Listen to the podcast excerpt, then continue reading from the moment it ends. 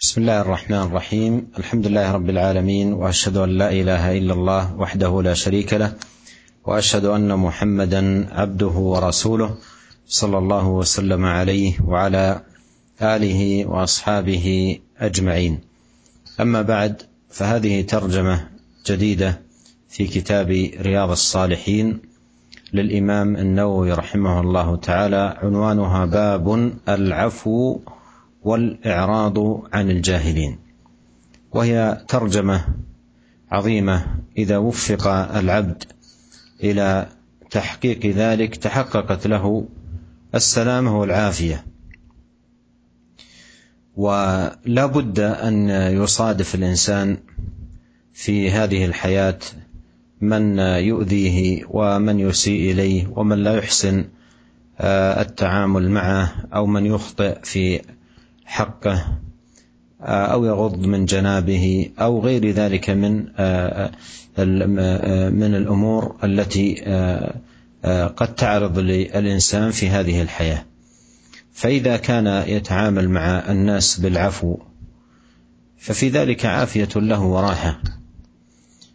وفوز أيضا برضا الله سبحانه وتعالى لأن الله يحب العافين عن الناس.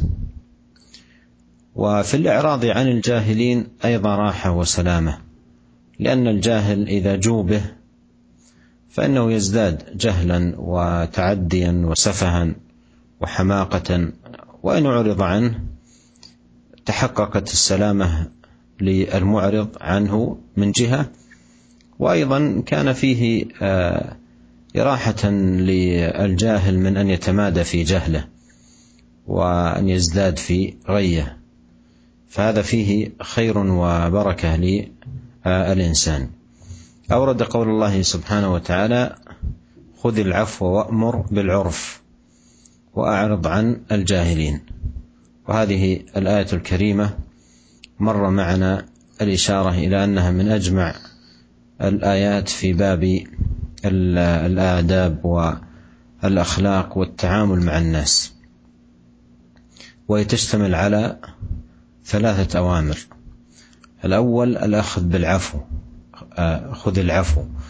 والمراد به أي ما سمحت به أخلاق الناس وطبائعهم. والناس يتفاوتون.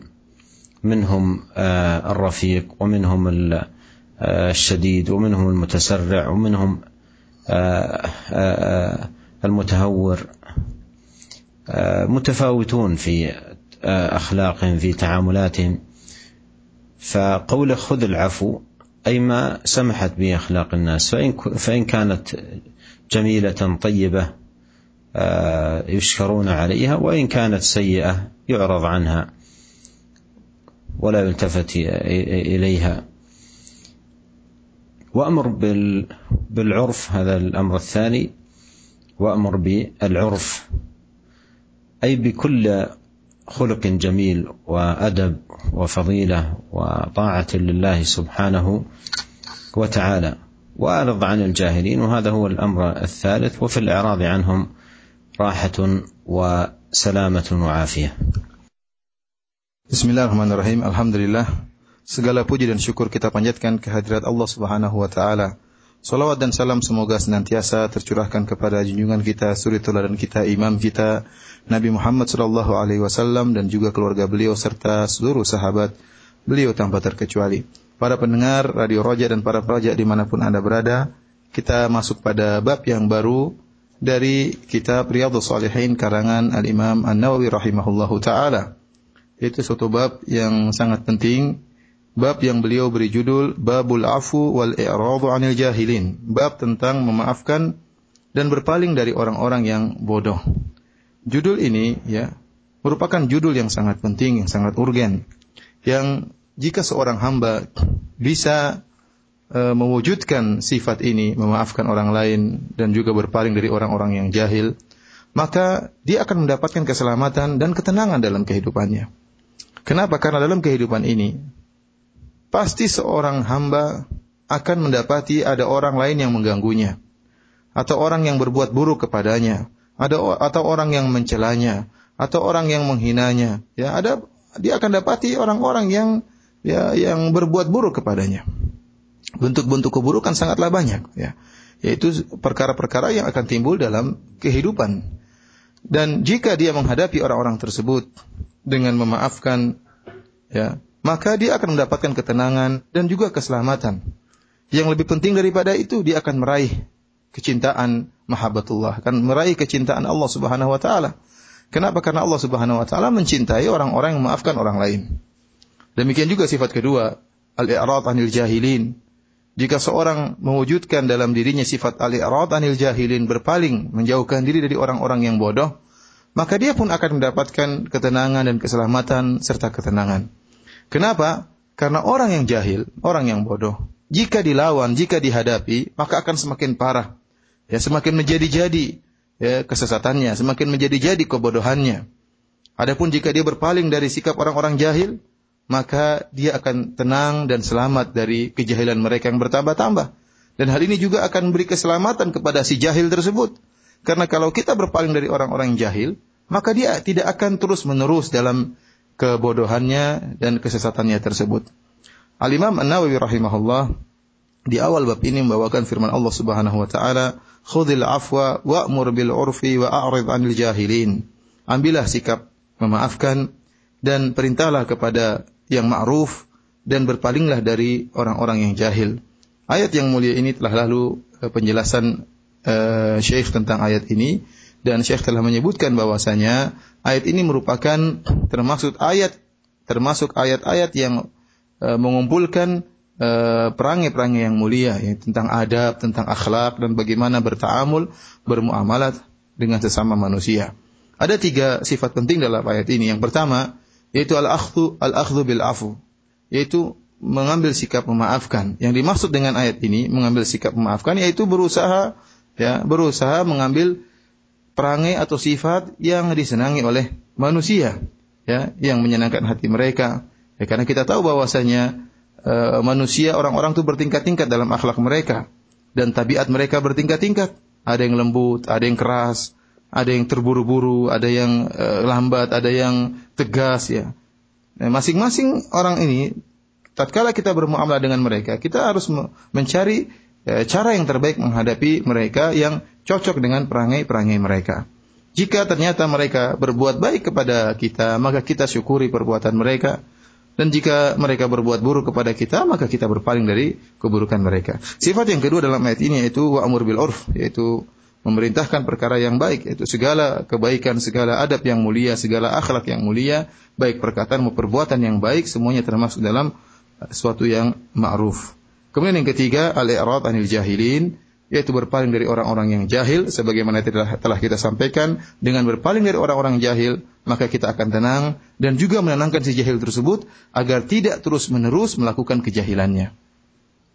ثم أورد رحمه الله قول الله عز وجل فاصفح الصفح الجميل وهذه الآية فيها الأمر بالصفح وقال قال جل وعلا فاصفح الصفح الجميل والصفح الجميل هو الذي لا أذية فيه بل إنه يقابل الإساءة المسيء بالإحسان إليه وذنب المذنب بالغفران والتجاوز. وهذا إنما يكون عندما آه، يكمل خلق العبد في تعامله مع الناس فإنه آه، يقع منه هذا الصفح. الجميل الذي لا إساءة فيه Kemudian ayat yang kedua yaitu firman Allah Subhanahu wa taala fasfah fasfahis safhal jamil.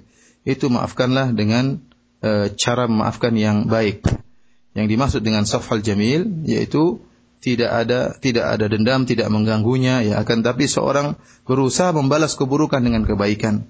Kalau ada orang berbuat salah maka dia ampuni dan dia memaafkannya ya.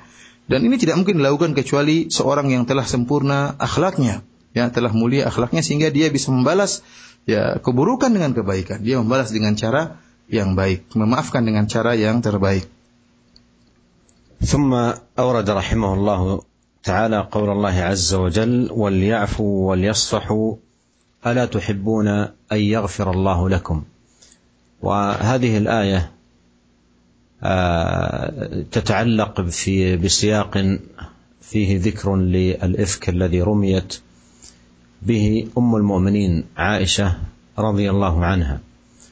وكان من جملة من خاض في الإفك رجل يقال له مصطح بن أثاثة وهو قريب لأبي بكر رضي الله عنه وكان مصطح رجلا فقيرا من المهاجرين فكان ينفق أبو بكر رضي الله عنه عليه ويتصدق عليه.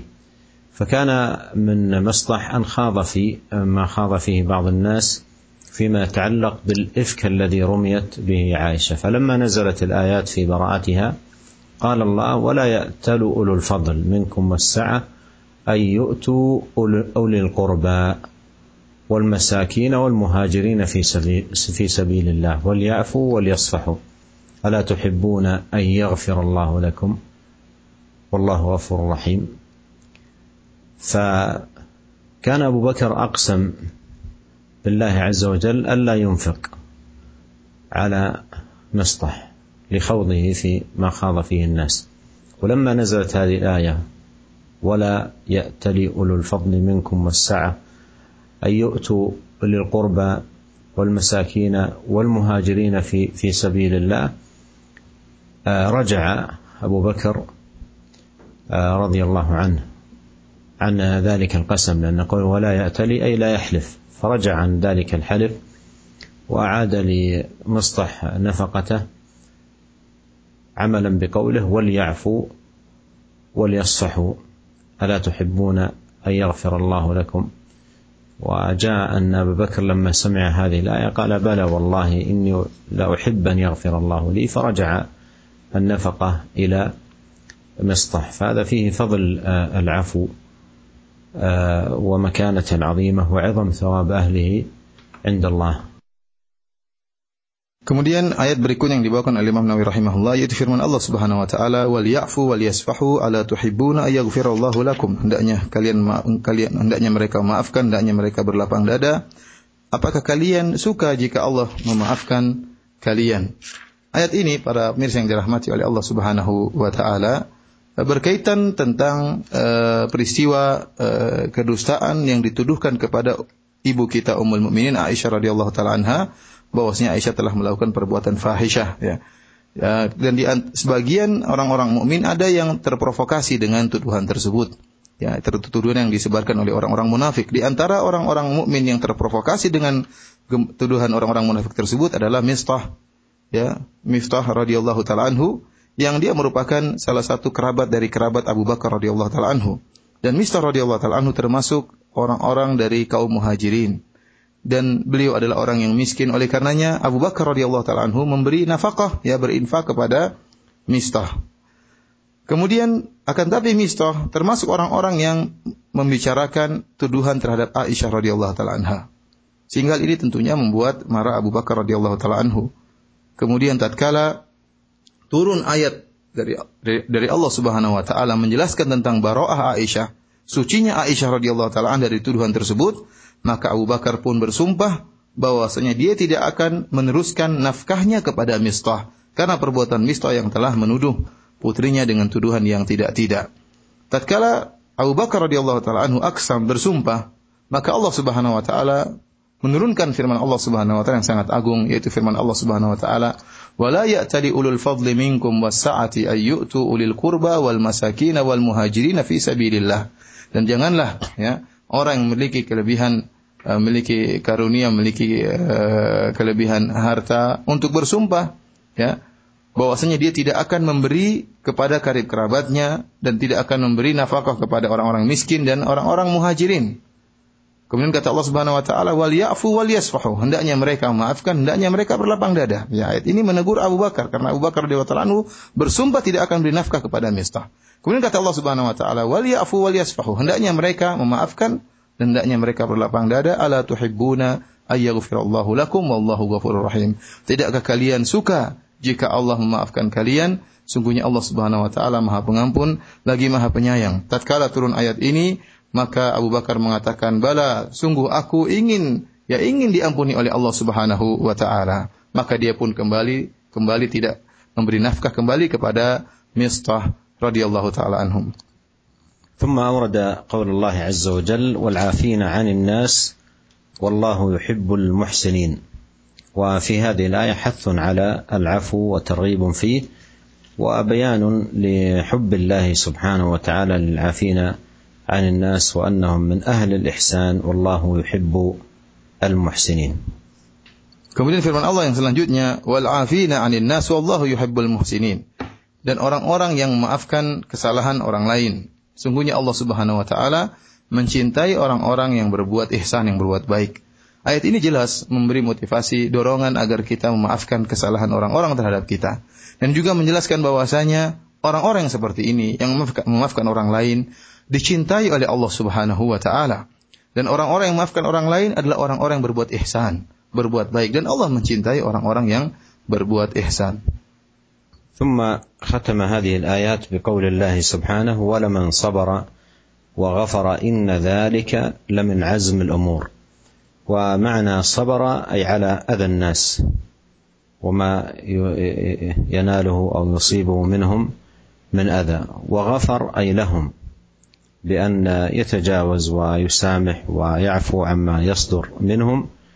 قال إن ذلك لمن عزم الأمور أي الأمور العظيمة الرفيعة العالية الدالة على كمال خلق الإنسان ولا يلقاها إلا أولو العزائم والهمم العالية الرفيعة. Kemudian Al-Imam Nawawi rahimahullah menutup bab ini dari ayat-ayat itu dengan firman Allah Subhanahu wa taala, "Wala man sabara wa ghafara inna dzalika lamin azmil umur." dan e, orang yang bersabar dan memaafkan sungguh itu merupakan dari perkara-perkara yang e, sangat mulia.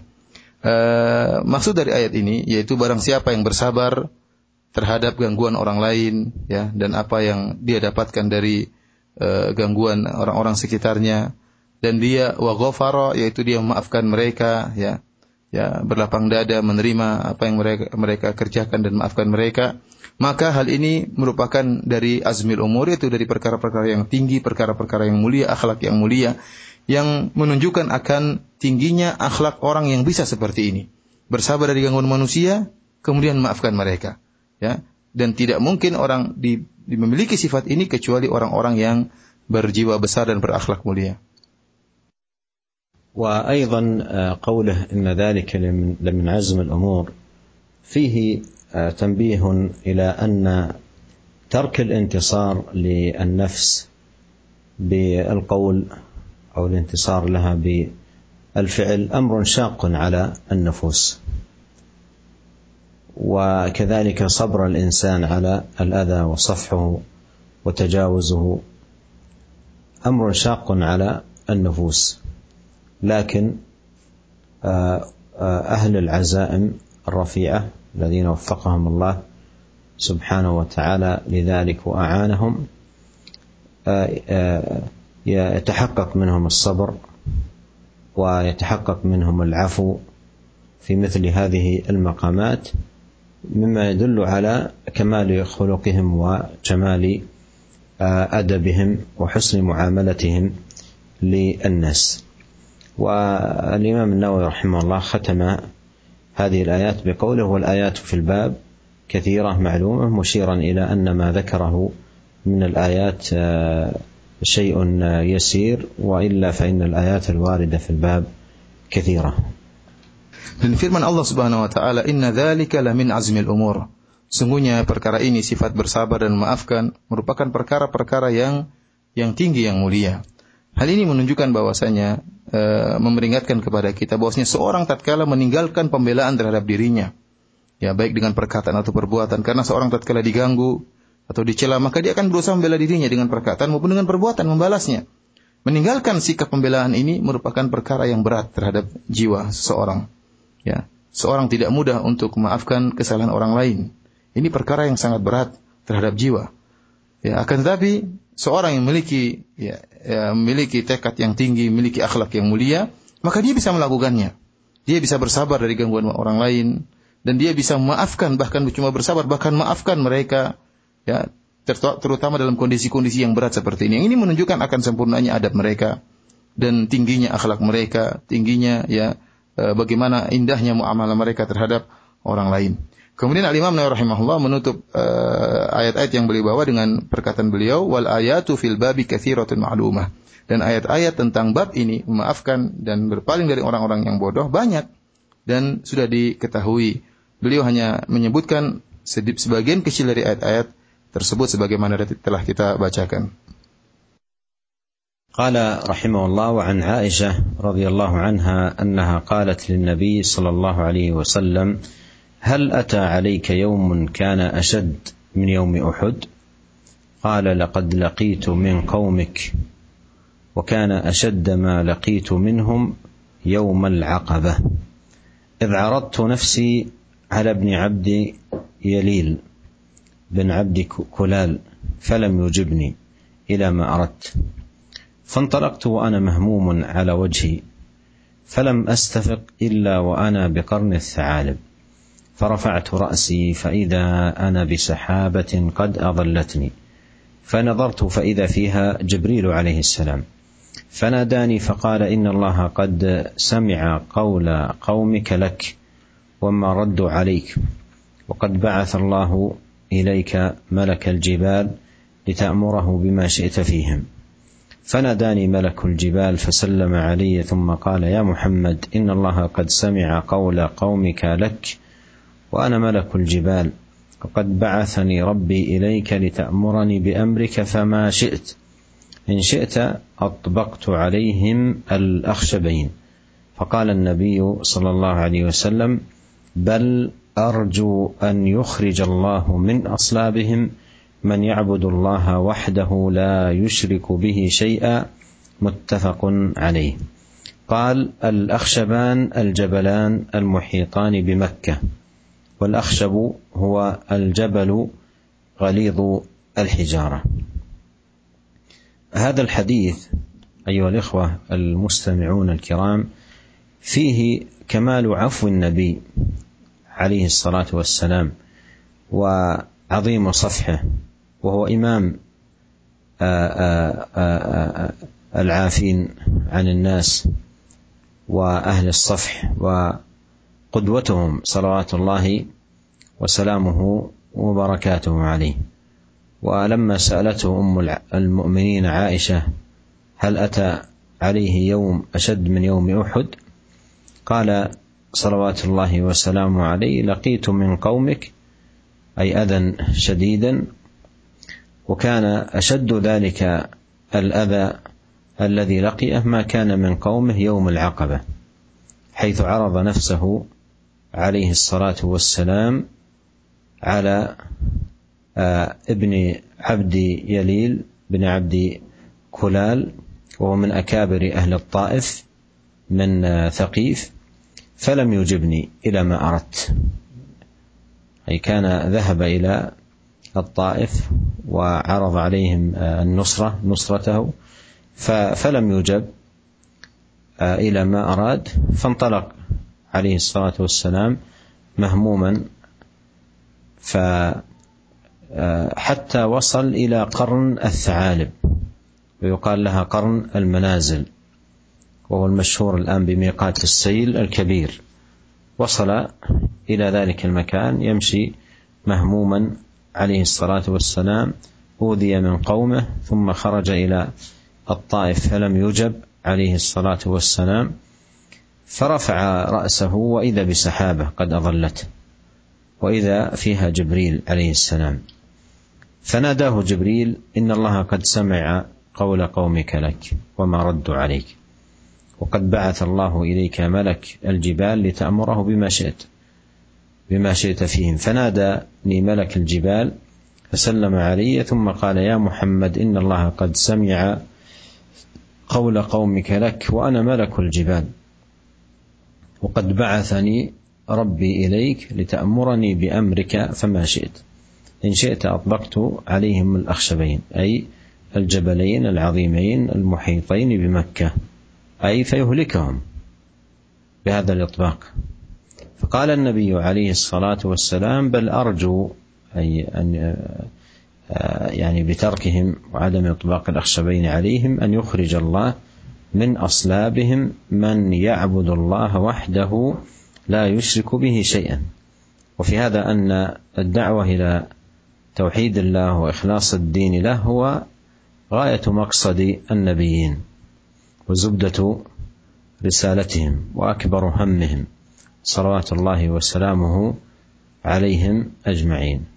وفي الحديث كمال حلم النبي صلى الله عليه وسلم وتأنيه وصفحه وعفوه برغم أنه أوذي أذى شديدا فصبر على أذى قومه وتأنى في التعامل معهم وعفى وصفح راجيا أن تصلح الحال وتزين الامور وان يخرج من اصلاب هؤلاء اقوام يعبدون الله لا يشركون به شيئا.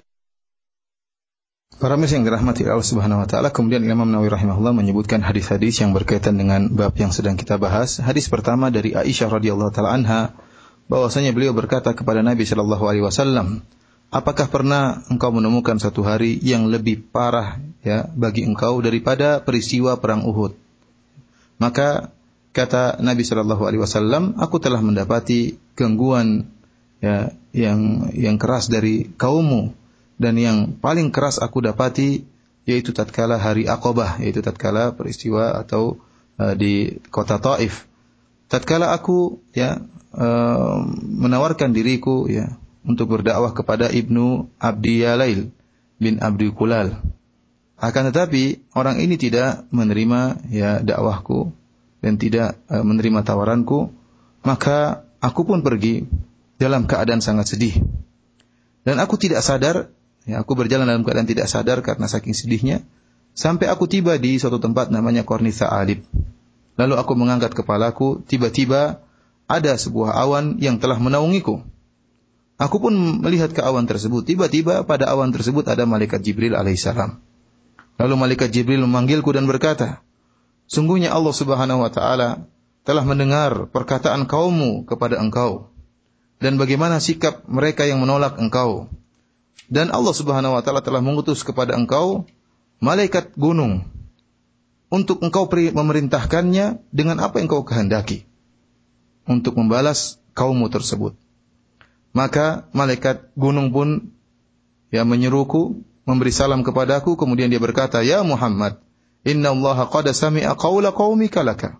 Wahai Muhammad, sungguhnya Allah telah mendengar perkataan kaum engkau kepadamu. Wa ana malakul jibal dan aku adalah malaikat gunung. Wa qad ba'athani rabbi ilaika lita'murani bi amrika fama syi'ta. Dan Allah telah mengutusku, Rabbku telah mengutusku kepada engkau untuk kau perintahkan aku dengan perintahmu apa yang kau kehendaki. In syi'ta atbaqtu alaihimul akhsyabain. Jika kau berkehendak, maka aku akan angkat dua gunung ini dan aku timpakan kepada mereka. Maka Nabi sallallahu alaihi wasallam berkata, bal arju an yukhrijallahu min aslabihim man ya'budullaha wahdahu la yusyriku bihi syai'a. Akan tapi aku berharap Allah Subhanahu wa taala mengeluarkan dari tulang sulbi mereka orang yang beribadah kepada Allah saja dan tidak berbuat syirik sama sekali. Al-akhsyaban ya, kata malaikat tadi aku akan menimpakan dua akhsyab. Akhsyab yaitu gunung yang terbuat dari batu yang keras, bukan seperti tempat kita gunung pasir, tapi gunung terbuat dari batu yang keras dan ada dua gunung besar yang mengelilingi kota Mekah. Itu yang akan diangkat oleh malaikat untuk ditimpakan kepada penduduk kota Taif yang telah berbuat mengganggu Nabi Shallallahu alaihi wasallam. Para mirsa yang dirahmati oleh Allah Subhanahu wa taala, dalam hadis ini sangat menunjukkan bagaimana sempurnanya sikap memaafkan Nabi Shallallahu Alaihi Wasallam dan bagaimana besarnya besarnya jiwa Nabi Shallallahu Alaihi Wasallam berlapang dada dalam menghadapi kesalahan-kesalahan dan gangguan gangguan orang-orang yang telah mengganggunya. Dan Nabi Shallallahu Alaihi Wasallam adalah imamul afin. Dialah imamnya orang-orang yang memaafkan. Dialah imamnya orang-orang yang berlapang dada. Dialah imamnya orang-orang berjiwa besar dalam menghadapi gangguan manusia. Oleh karenanya tatkala Aisyah radhiyallahu taala anha bertanya kepada beliau tentang adakah hari yang paling berat bagi engkau lebih daripada peristiwa perang Uhud? Maka Nabi SAW menceritakan peristiwa yang dia hadapi tatkala dia berdakwah di Taif kemudian ditolak dengan cara yang kasar. Tatkala dia menawarkan dakwahnya kepada Ibnu Abdi Yalail, Ibni Ibni Abdi Kulal yang merupakan salah satu pembesar dari kota Taif dari Thaqif. Kemudian dia tidak menjawab Nabi sallallahu alaihi wasallam, bahkan menghinakan Nabi sallallahu alaihi wasallam, bahkan mengusir Nabi sallallahu alaihi wasallam. Yang hal ini menjadikan Nabi sallallahu alaihi wasallam sangat bersedih. Karena saking sedihnya Nabi sallallahu alaihi wasallam tidak sadar tatkala berjalan. Tiba-tiba Nabi sallallahu alaihi wasallam sudah sampai ke suatu tempat namanya Kornul Sa'alib ya berjalan dan tidak sadar kecuali Nabi SAW sudah sampai di tempat namanya Kornul Sa'alib. Kornul Sa'alib adalah yang dikenal dengan Kornul Manazil, yang dikenal sekarang dengan Sailul Kabir, tempatnya mikot orang bermikot jika ingin umroh datang dari Taif atau dari kota-kota di belakang kota Taif, maka mikotnya dari Sailul Kabir. Akan tapi, tatkala kemudian Allah mengutus malaikat, ya, kemudian malaikat gunung yang siap membalas Eh, mereka penduduk Taif dan siap mengangkat dua gunung yang besar, bukan gunung pasir, bahkan gunung batu yang keras untuk ditimpakan ke penduduk Taif. Namun Nabi Shallallahu Alaihi Wasallam malah memaafkan mereka. Bahkan Nabi Wasallam mendoakan mereka kata Nabi Wasallam, "Bal arju an yukhrijallahu min aslabihi man ya'budullaha wahdahu la yusyriku bihi syai'a." Bahkan tapi aku malah berharap agar Allah mengeluarkan dari tulang sulbi mereka orang-orang yang beribadah kepada Allah saja, bertauhid kepada Allah dan tidak berbuat syirik sama sekali kepada Allah Subhanahu wa taala. Yang ini menunjukkan bahwasanya inilah ya yang selalu dipikirkan oleh para anbiya. Ya, bahwasanya tujuan mereka adalah tujuan ya apa yang selalu mereka pikirkan, apa yang selalu mereka harapkan adalah tegaknya tauhid kepada Allah Subhanahu wa taala. Lihatlah Nabi wasallam malah berdoa agar muncul dari mereka orang-orang yang telah mengganggu beliau yaitu orang-orang beribadah kepada Allah dan tidak berbuat syirik sama sekali. Inilah adalah ini adalah cita-cita para nabi tegaknya tauhid dan hilangnya kesyirikan dari alam semesta ini. Hadis ini menunjukkan akan sempurnanya sikap maafkan Nabi wasallam, sikap tenangnya Nabi wasallam tidak tergesa-gesa ingin membalas tidak. Ya, akan tapi beliau maafkan gangguan yang beliau dapati dan bagaimana indahnya sikap muamalah Nabi sallallahu alaihi wasallam terhadap orang-orang yang menyakiti beliau. قال رحمه الله عنها اي ام المؤمنين عائشه رضي الله عنها قالت ما ضرب رسول الله صلى الله عليه وسلم شيئا قط بيده ولا امراه ولا خادما الا ان يجاهد في سبيل الله وما نيل منه شيء قط فينتقم من صاحبه الا ان ينتهك شيء من محارم الله فينتقم لله تعالى رواه مسلم. وهذا الحديث فيه كمال خلق النبي عليه الصلاة والسلام وجمال عفوه وصفحه صفحه فكان لا يضرب أحدا على شيء من حقوقه الخاصة وشؤونه الخاصة وكان لا يغضب لنفسه إلا أن تنتهك حرمات الله. فانه يغضب غضبا شديدا وهذا الغضب الذي يكون عندما تنتهك حرمات الله لا يتنافى مع الحلم والرفق لأن هذا انتصار لدين الله تبارك وتعالى وليس انتصارا للنفس Kemudian hadis berikutnya dari Aisyah radhiyallahu taala anha, beliau berkata, Rasulullah SAW tidak pernah memukul sama sekali dengan tangannya, tidak pernah memukul seorang wanita dan juga tidak pernah memukul seorang uh, pembantu pun kecuali Nabi Shallallahu Alaihi Wasallam berjihad di jalan Allah Subhanahu Wa Taala. Baru beliau memukul. Kemudian Nabi Shallallahu Alaihi Wasallam ya tidak pernah ya membalas orang yang mengganggu beliau. Dia tidak pernah membalas sedikit pun dari orang yang mengganggu beliau. Kecuali jika telah dilanggar dari eh, hal-hal yang diharamkan oleh Allah Subhanahu Wa Taala, maka Nabi Shallallahu Alaihi Wasallam pun membalas ya uh, uh, perkara tersebut. Hadis ini diriwayatkan oleh Al Imam Muslim. Para pemirsa yang dirahmati oleh Allah Subhanahu wa taala, hadis ini juga menunjukkan tentang sempurnanya ya akhlak Nabi sallallahu alaihi wasallam, bagaimana ya, eh, sikap Nabi yang senantiasa memaafkan. Oleh karenanya Nabi sallallahu alaihi wasallam tidak pernah memukul seorang pun jika kesalahan tersebut berkaitan dengan hak-hak pribadi beliau, tidak pernah. Jika ada kesalahan berkaitan dengan hak pribadi beliau, beliau tidak pernah memukul. Baik seorang wanita, apalagi seorang bantu juga tidak pernah beliau pukul. Akan tapi jika ada keharaman yang dilanggar yang merupakan hak Allah Subhanahu wa taala, maka Nabi SAW pun marah dengan dan murka dengan kemurkaan yang besar. Ya. Dan ini tidak bertentangan dengan sikap lemah lembut Nabi Shallallahu Alaihi Wasallam karena tatkala Nabi Shallallahu Alaihi Wasallam marah, beliau marah karena Allah Subhanahu Wa Taala, bukan dalam rangka untuk membela pribadi beliau. ثم أورد حديث أنس رضي الله عنه قال كنت أمشي مع رسول الله صلى الله عليه وسلم وعليه برد نجراني غليظ الحاشية فأدركه أعرابي فجذبه بردائه جذبة شديدة فنظرت إلى صفحة عاتق النبي صلى الله عليه وسلم وقد أثرت بها حاشية الرداء من شدة جذبته. ثم قال يا محمد مر لي من مال الله الذي عندك. فالتفت إليه رسول الله صلى الله عليه وسلم فضحك ثم أمر له بعطاء متفق عليه. وهذا الحديث من الأحاديث العظيمة في بيان كمال خلق النبي عليه الصلاة والسلام وحلمه وصبره وصفحه. وانظر هذه المقابلة الجميلة الحسنة لغلظة هذا الاعرابي وجفائه في طلبه من النبي عليه الصلاة والسلام.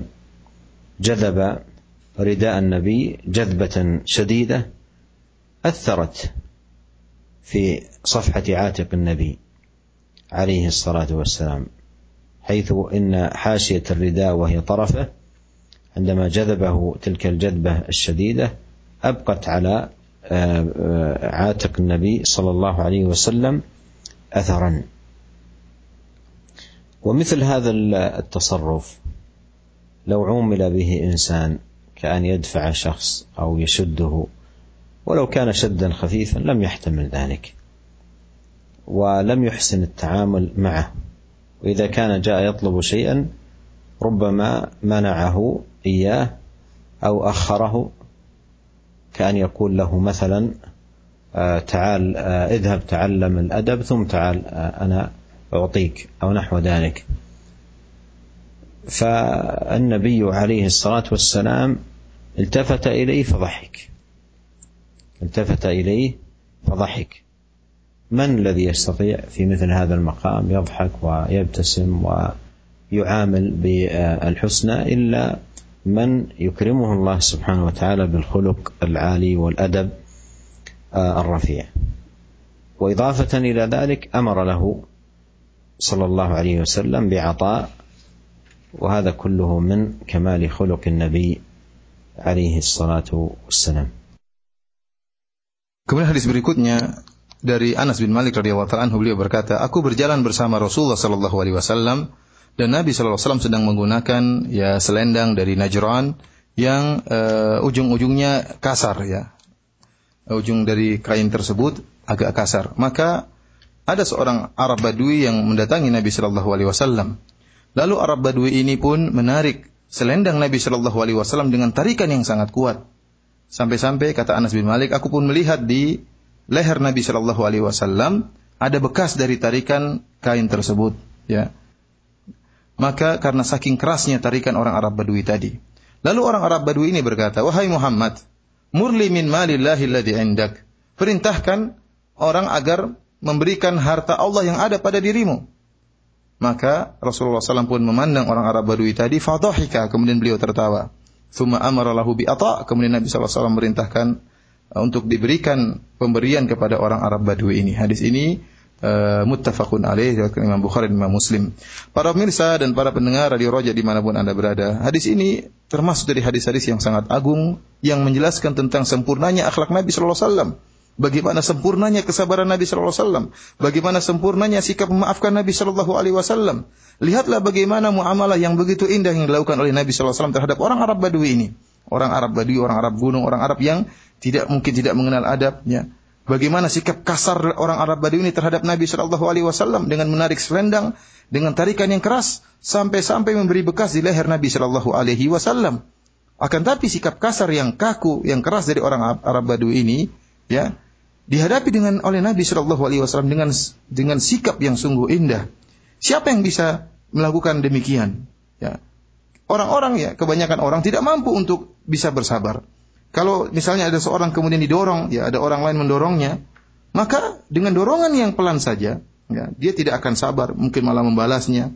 Kalau ada atau ada orang ingin meminta sesuatu kepada dia dengan dengan cara yang dengan perkataan yang mungkin kasar tanpa tanpa menarik sesuatu atau tanpa mendorongnya, maka orang yang diminta akan mengatakan, kamu harus beradab baru saya kasih permintaanmu. Akan tapi lihatlah ya bagaimana Nabi Shallallahu Alaihi Wasallam. Ya, kalau kita kita katakan belajar dulu adab, ya, baru bagaimana minta yang baik. Tetapi Nabi Shallallahu Alaihi Wasallam melihatlah orang Arab Badui dengan cara yang keras, kemudian menarik selendang Nabi sampai memberi bekas di leher Nabi Shallallahu Alaihi Wasallam. Ya kemudian berkata dengan cara yang kasar, wahai Muhammad berikanlah harta Allah yang ada pada dirimu. Apa yang dilakukan oleh Nabi? Faltafata ilaihi fadhahika. Nabi Shallallahu Alaihi Wasallam berpaling melihat orang Arab Badui ini, kemudian Nabi Shallallahu Alaihi Wasallam tertawa. Siapa yang bisa melakukan demikian kecuali orang-orang yang dimuliakan oleh Allah Subhanahu Wa Taala dengan akhlak yang tinggi, akhlak yang mulia dan adab yang uh, sempurna. ثم أورد رحمه الله حديث ابن مسعود رضي الله عنه قال كأني أنظر إلى رسول الله صلى الله عليه وسلم يحكي نبيا من الأنبياء صلوات الله وسلامه عليهم ضربه قومه فأدموه وهو يمسح الدم عن وجهه ويقول اللهم اغفر لقومي فإنهم لا يعلمون متفق عليه. وهذا الحديث فيه كمال خلق نبينا عليه الصلاة والسلام حيث ذكر هذه القصة وهذا الخبر عن نبي من الأنبياء ولم ينص على اسم هذا النبي الذي كان منه هذا الأمر. لكن النبي عليه الصلاة والسلام ذكر خبره وأن قومه ضربوه حتى أدموه سالوا الدم في وجهه فأخذ يمسح الدم عن وجهه ويدعو لقومه اللهم اغفر لقومي فإنهم لا يعلمون. وقد كان لنبينا صلى الله عليه وسلم مثل ذلك في غزوة أحد شجوا رأسه وكسروا رباعيته عليه الصلاة والسلام وكان يدعو لهم بمثل هذا Kemudian hadis berikutnya dari Ibnu Mas'ud radhiyallahu taala anhu beliau berkata, seakan-akan aku melihat kepada Rasulullah sallallahu alaihi wasallam menceritakan tentang kisah seorang nabi dari nabi-nabi terdahulu. Salawatullahi wasallamuhu alaihim. Nabi tersebut dipukul oleh kaumnya sampai mengeluarkan darah. Lalu sang nabi tersebut mengusap darah dari wajahnya, kemudian dia berkata, dia berdoa, Allahumma gufirli qaumi fa innahum la ya'lamun. Ya Allah, ampunilah kaumku, sungguhnya mereka tidak mengerti. Hadis ini diriwayatkan oleh Imam Bukhari dan Imam Muslim. Para mirsa yang dirahmati oleh Allah Subhanahu wa taala, hadis ini menunjukkan tentang akhlak mulia Nabi sallallahu alaihi wasallam. Tatkala Nabi sallallahu alaihi wasallam menyebut tentang kisah seorang nabi yang diganggu bahkan dilukai oleh kaumnya, ya, dilukai oleh kaumnya. Meskipun Nabi SAW tidak menyebutkan siapa nama Nabi tersebut yang dilukai oleh kaumnya. Akan tapi Nabi SAW menyebutkan tentang kisah Nabi ini yang dipukul oleh kaumnya sehingga mengeluarkan darah. Lalu sang Nabi tersebut kemudian mengusap darah dari wajahnya dan berdoa kepada Allah, ya maafkan mereka dan berdoa, ya Allah, ampunilah kaumku, sungguhnya mereka tidak mengerti. Hal ini juga pernah menimpa Nabi Wasallam tatkala dalam Ghazwat Uhud dalam perang Uhud tatkala mereka melempari Nabi sallallahu alaihi wasallam, tatkala Nabi sallallahu alaihi wasallam luka wajah beliau dan kusirat rubaiyatuhu dan kemudian gigi beliau pun pecah gara-gara orang-orang kafir. Akan tapi Nabi sallallahu alaihi wasallam kemudian mendoakan mereka.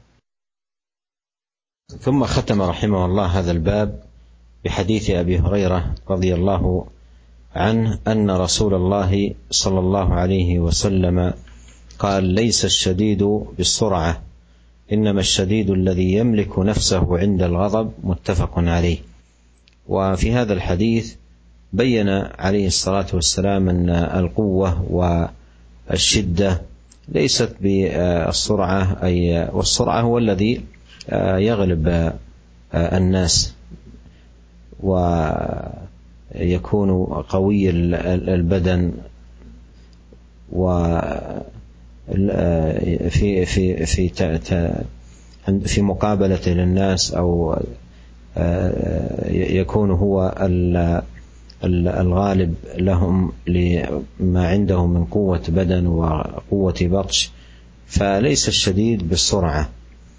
ليس هذا هو الشديد وإنما الشديد الذي يملك نفسه الشديد الذي يملك نفسه عند الغضب. فهذه فهذه هي القوة. يكون يملك نفسه ويزمها عند الغضب بزمام الشرع. وبهذا الحديث ختم رحمه الله تعالى هذا الباب ونسأل الله عز وجل أن يوفقنا أجمعين للعلم النافع والعمل الصالح إنه سميع قريب مجيب. Kemudian uh, Al-Imam Nawawi rahimahullah menutup bab kita kali ini dengan hadis dari Abu Hurairah radhiyallahu taala anhu bahwasanya Rasulullah SAW pernah bersabda, "Laisa syadidu bisur'ah." Ya bukanlah orang yang kuat ya dengan seorang yang mampu untuk mengalahkan orang lain dalam pergulatan atau dalam perkelahian. Innama syadidul ladzi yamliku nafsahu 'indal ghadab. Orang yang kuat yaitu orang yang mampu menahan jiwanya tatkala sedang marah. Hadis ini muttafaqun alaih diriwayatkan Imam Bukhari dan Imam Muslim. Para pemirsa yang dirahmati oleh Allah Subhanahu wa taala, dalam hadis ini Nabi sallallahu alaihi wasallam menjelaskan bahwasanya kekuatan ya bukanlah dengan kemampuan untuk surah yaitu mampu hebat dalam bergulat, hebat dalam berkelahi, mampu untuk menjatuhkan orang lain tatkala berduel dengan orang lain tersebut. Ini bukan kekuatan yang yang yang, yang sesungguhnya. Tetapi kekuatan yang sungguhnya sebagaimana sabda Nabi sallallahu alaihi wasallam yaitu alladzi yamliku nafsahu 'indal qadab. Seseorang yang mampu untuk menahan jiwanya, yang menguasai jiwanya tatkala sedang marah. Dia kemudian mengekang jiwanya dengan kekangan syariat. Ya. Tidak terbawa dengan emosi, tapi bisa mengatur uh, jiwanya tatkala sedang marah. Inilah orang yang pada hakikatnya ya uh, bisa mampu untuk bersabar tatkala sedang marah. Inilah orang yang uh, yang kuat pada hakikatnya, pada sungguhnya. Demikianlah para yang dirahmati oleh Allah Subhanahu wa taala uh, kita berdoa kepada Allah Subhanahu wa taala semoga Allah Subhanahu wa taala memberikan ilmu yang bermanfaat kepada kita dan bisa memberi taufik kepada kita untuk bisa beramal soleh. Selanjutnya saya kembalikan kepada akhi Fawasafidahullah taala. Terima kasih jazakallah khairan kepada Fadilatul Syekh atas darsi yang disampaikan dan ikhwatal Islam di mana pun Anda untuk selanjutnya ada tersisa waktu bagi kita 5 menit ke depan untuk mengajukan pertanyaan-pertanyaan yang Anda bisa kirimkan atau bisa Anda tanyakan secara langsung melalui telepon di 0218236543 satu penanya kita coba sapa ya enam Assalamualaikum. Waalaikumsalam warahmatullahi wabarakatuh. Dengan siapa dari mana? Dengan Umu Fatimah di Bekasi. Ya, silakan Umu. Nah, syukuran. Uh, Assalamualaikum Syekh, barakallahu Silakan. Uh, bagaimana menjamak pemahaman uh, dari hadis dan ayat yakni innallaha rafiqu yuhibbul rifqa dan juga faqula lahu qawlan lainan uh, dijamak dengan sikap tegasnya atau kerasnya Umar terhadap para sahabat. Artinya, apakah boleh kita meniru sikap uh, tegas dan uh, seperti Umar diterapkan kepada uh, orang orang gitu seperti dalam kondisi di mana uh, uh, umat itu masih belum memahami tentang uh, tentang manhaj yang hak ini. Ya. Mohon penjelasan, mohon penjelasan. Syukran jazakumullah khair. Assalamualaikum warahmatullahi wabarakatuh. Ya. Waalaikumsalam warahmatullahi wabarakatuh. Silakan Ustaz. أشارت السائلة إلى بعض الآيات وهي قليل من آه، كثير مما ورد في هذا الباب في الحث على الرفق والحث على المعاملة باللين كقوله آه، سبحانه وتعالى فقولا له قولا لينا فقولا له قولا لينا. وأيضا آه، مثل قوله إن الله رفيق يحب الرفق. ونحو آه، هذه الآيات والنصوص والأحاديث الواردة في هذا الباب. ولا يعارض ذلك مجيء الشدة في موضعها آه، المناسب. لا يعارض ذلك مجيء الشدة في موضعها المناسب لمعالجة خطأ ما أو مخالفة ما فالسارق تقطع يده والزاني آه، يجلد والقاتل يقتل آه، فالشدة في موضعها آه، لا تتنافى مع النصوص التي جاءت حاثة على الرفق ومرغبة فيه. Uh, saya menjelaskan bahwasanya apa ayat-ayat yang atau hadis-hadis yang disebutkan oleh ibu yang bertanya tadi yaitu sedikit dari e, terlalu banyak ayat atau hadis-hadis yang memberi dorongan kepada kita untuk bersifat lembut dan bagaimana bisa bermuamalah dengan cara yang lembut terhadap sama manusia. Seperti firman Allah Subhanahu wa taala faqula lahu qawlan layyina. Dan hendaknya kalian berdua yaitu Musa dan Harun berkata kepada Firaun dengan perkataan yang lembut.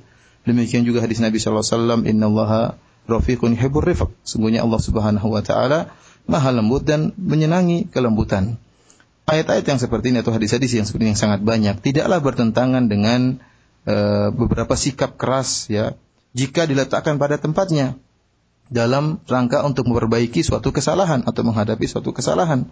Sebagai contoh, ya, bahwasanya orang yang di mencuri ya, ya ternyata syariat mensyariatkan untuk dipotong tangannya. Contohnya juga seorang yang berzina dicambuk. Orang yang bunuh orang lain dibunuh pula ya. Ini sikap-sikap keras akan tapi diletakkan syariat sesuai dengan tempatnya dan sikap-sikap seperti ini tidak bertentangan dengan uh, jika memang dibutuhkan sikap keras tersebut tidak bertentangan dengan ayat-ayat dan hadis-hadis yang mendorong untuk bersikap lembut. Nah, terima kasih kami ucapkan atas jawaban yang disampaikan oleh Syekh dan karena waktu yang uh, sudah habis kami memohon pada Fadilatul Syekh untuk memberikan ikhtitam di akhir acara kita silakan. في ختام لقائنا هذا أسأل الله عز وجل أن يجعل هذا الذي آه، نتعلمه ونستمع إليه من العلم النافع آه، الذي ننتفع به ونسأله أن ينفعنا بما علمنا وأن يزيدنا علما وأن يصلح لنا شأننا كله. إنه سميع الدعاء وهو حسبنا ونعم الوكيل وصلى الله وسلم على عبده ورسوله نبينا محمد وآله وصحبه أجمعين والسلام عليكم ورحمة الله وبركاته Waalaikumsalam warahmatullahi wabarakatuh. Di penghujung kajian kita kali ini kita berdoa kepada Allah Subhanahu wa taala agar menjadikan ilmu yang telah kita sampaikan atau telah kita dengarkan menjadi ilmu yang bermanfaat, ilmu yang benar-benar kita bisa mengambil manfaat darinya dan kita bisa mengamalkannya. Dan kita berdoa kepada Allah Subhanahu wa taala agar menjadikan ilmu yang kita pelajari bermanfaat juga bagi diri kita dan bagi orang lain dan agar Allah Subhanahu wa taala menambah ilmu kepada kita dan agar Allah Subhanahu wa taala memperbaiki dan meluruskan seluruh perkara urusan kita. Demikian para pemirsa yang dirahmati oleh Allah Subhanahu wa taala kajian kita pada kesempatan kali ini insyaallah kita akan lanjutkan pada kesempatan yang lain. Wabillahi taufiq wal hidayah. Assalamualaikum warahmatullahi wabarakatuh.